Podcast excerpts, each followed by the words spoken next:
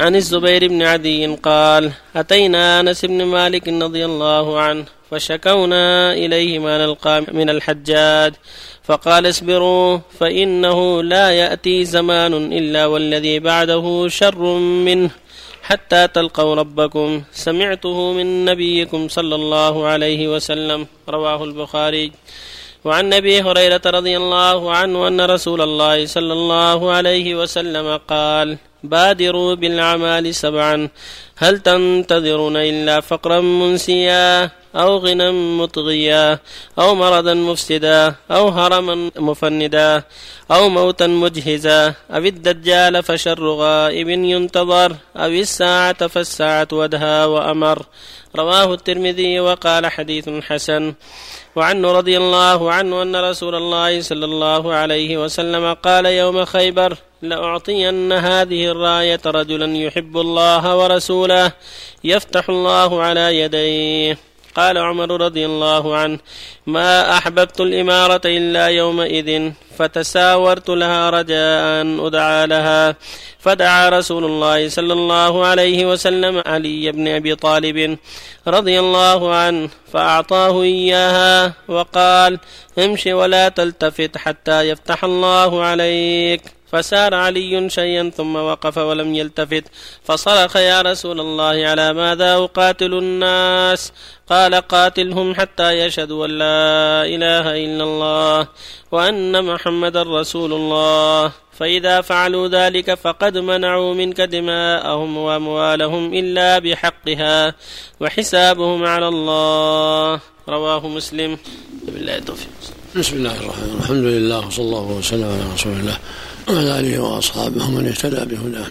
أما بعد فهذه الأحاديث ثلاثة كالتي قبلها فيها الحث على المسابقة على الخيرات والمسارعة إلى الطاعات والحرص على الثبات على الحق. فإن غربة الإسلام كل ما تأخر الزمان زادت شدة. ولهذا يقول صلى الله عليه وسلم لا يأتي عام إلا والذي بعده شر منه. حتى تقوا ربكم. زاد بعضهم لا أقول عام خير من عام أخسر من عام ولا أمير خير من أمير ولكن ذهاب علمائكم وخياركم. فالمعنى كل ما تأخر الزمان اشتدت الغربة. بقلة العلماء وقلة الأخيار وكثرة الأسرار. فينبغي المؤمن أن يجتهد في زمانه. على الخير وعلى صحبة الأخيار وليحذر التساهل ومتابعة الأشرار. أن كل ما تأخر الزمان كثر أهل الشر وقل أهل الخير بسبب قلة العلم وقلة الفقه في الدين. قد تكون الغربة في بعض الأماكن أشد كما جرى في العهد الأول وكما جرى في العهد الأخير في عهد الشيخ محمد بن الوهاب رحمه الله في هذه الجزيرة. لما قام الدعاة إلى الله الشيخ محمد ومن معه ظهر الإسلام وظهرت الدعوة إلى الله وإن كان غريبا في أماكن أخرى. فكل مكان تظهر فيه الدعوة ويكثر فيه أهل العلم والخير تزول منه غربة. وكل مكان تقل فيه الدعوة ويقل فيه العلماء تشتد فيه الغربة. غالب الأمصار اليوم وغالب الدنيا اليوم في غربة شديدة لقلة العلم وأهله وكثرة الشر والفساد. والحديث الثاني يقول صلى الله عليه وسلم بادروا بالأعمال سبعا. هل تنتظرون إلى فقرا منسيا؟ أو غنى مطغيا أو مرضا مفسدا؟ أو هرما مفندا؟ أو موتا مجهزا؟ أو الدجال فالدجال شر غائب ينتظر. لأنه يدعو إلى الفجور والشر والكفر أو الساعة والساعة وعدها وأمر. يعني باتر بالأعمال لا تنتظر سارع سابق. كما قال الله تعالى سابقوا إلى مغفرة من ربكم. قال وجل وعلا فاستبقوا الخيرات قال تعالى وسارعوا إلى مغفرة من ربكم. فالمؤمن يسابق أينما كان في أي جهة يسابق لا ينتظر.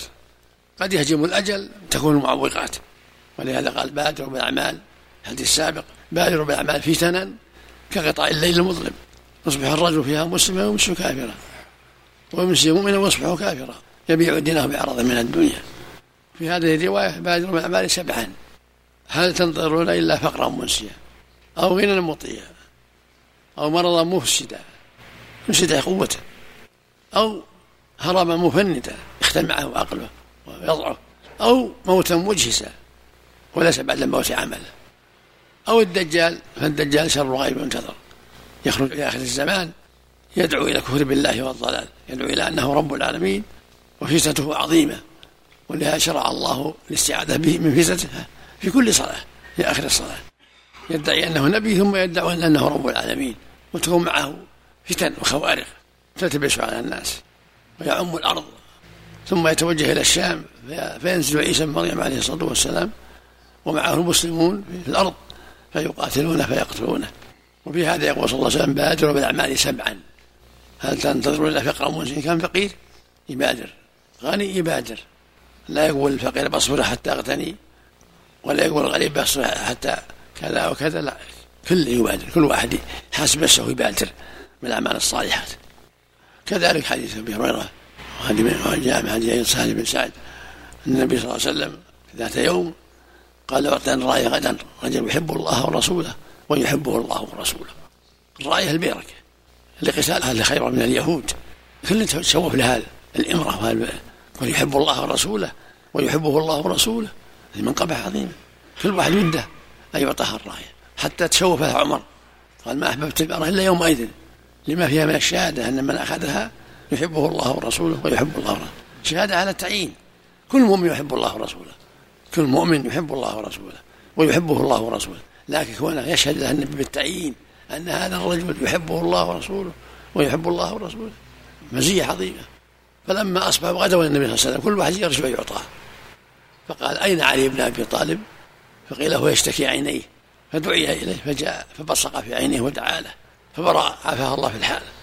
ثم أعطاه الراية وقال انفث على رسلك انفذ على رسلك ينسر يعني على مهلك حتى تنزل بساحتهم.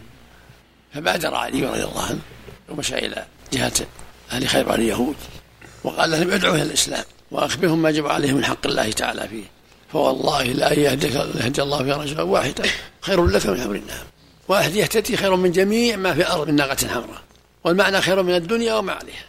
الحديث الآخر يقول صلى الله عليه وسلم من دل على خير فله مثل أجر فاعله. من دل على خير فله مثل أجر فاعله. من دعا إلى الإسلام ثم هداه الله على يديه يكون له مثل أجره. فبهذا الحث على الدعوة إلى الله والترغيب في ذلك. وأن الداعي إلى الله له خير عظيم وفضل كبير. وفق الله جميعا.